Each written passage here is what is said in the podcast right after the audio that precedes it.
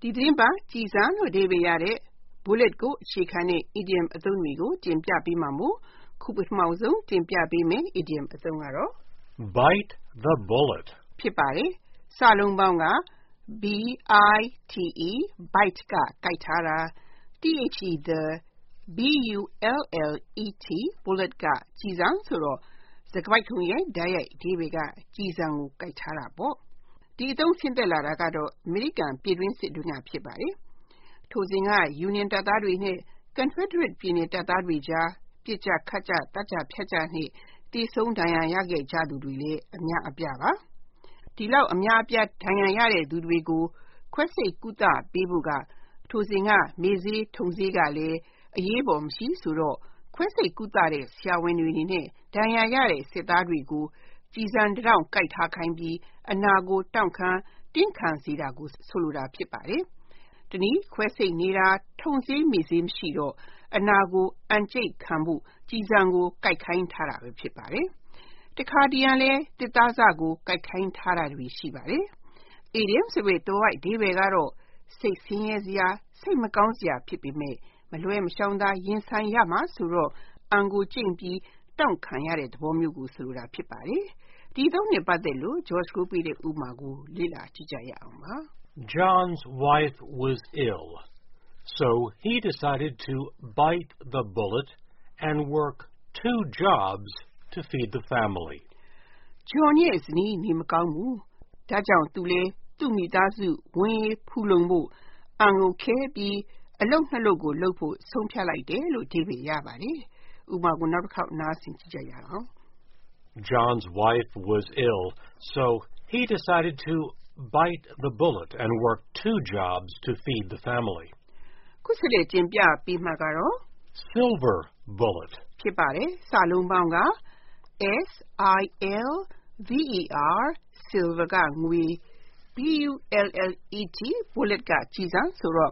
စကားပိုက်ခုံရဲ့တိုက်ရိုက်အဓိပ္ပာယ်ကတော့ငွေနဲ့လုပ်ထားတဲ့ကျည်ဆံပေါ့။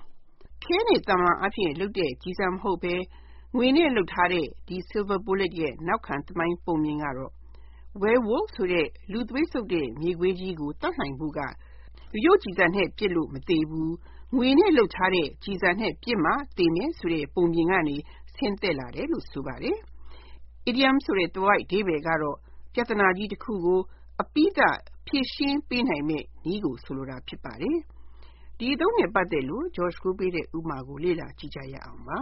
။ The world has no silver bullet to solve the problem of terrorism.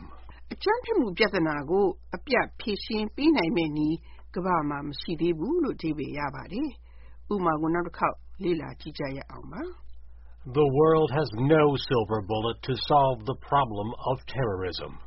ခုနောက်ဆုံးတင်ပြပေးမယ့် idiom အသုံးကတော့ Sweat bullets ဖြစ်ပါတယ်။စာလုံးပေါင်းက S W E A T sweat က ချွေးထွက်တာ B U L L E T S bullets က ကျည်ဆံဆိုတော့ စကားပိုက်ခုံရဲ့ တိုက်ရိုက်အဓိပ္ပာယ်ကတော့ ချွေးထွက်ရာမှာ ကျည်ဆံတွေ ထွက်တာပေါ့။ဒီအသုံးရဲ့ အဓိပ္ပာယ်ကလည်း ရှင်းပါတယ်။တိတ်ဆိတ်ပူတိတ်ကြောက်တာကို တင်စားပြောထားတာ ဖြစ်ပါတယ်။ကျမတို့ မြန်မာမှာ ကြောက်လို့ စိုးရိမ်လွန်းလို့ ဇောကြွေးပြန်တဲ့အသုံးနဲ့ ဆင်တူတယ်လို့ ဆိုရမှာပါ။ဘယ်လောက်စိတ်ပူတယ် ဘယ်လောက်ကြောက်တယ်ဆိုတာ ချွေးသီးချွေးပေါက်တွေကြတာဟာ ကျည်ဆံတောင့်တွေလိုပဲဆိုပြီးတော့တင်စားပြောထားတာ ဖြစ်ပါတယ်။ဒီအသုံးနဲ့ ပတ်သက်လို့ George ကိုပေးတဲ့ ဥပမာကို လေ့လာကြည့်ကြရအောင်ပါ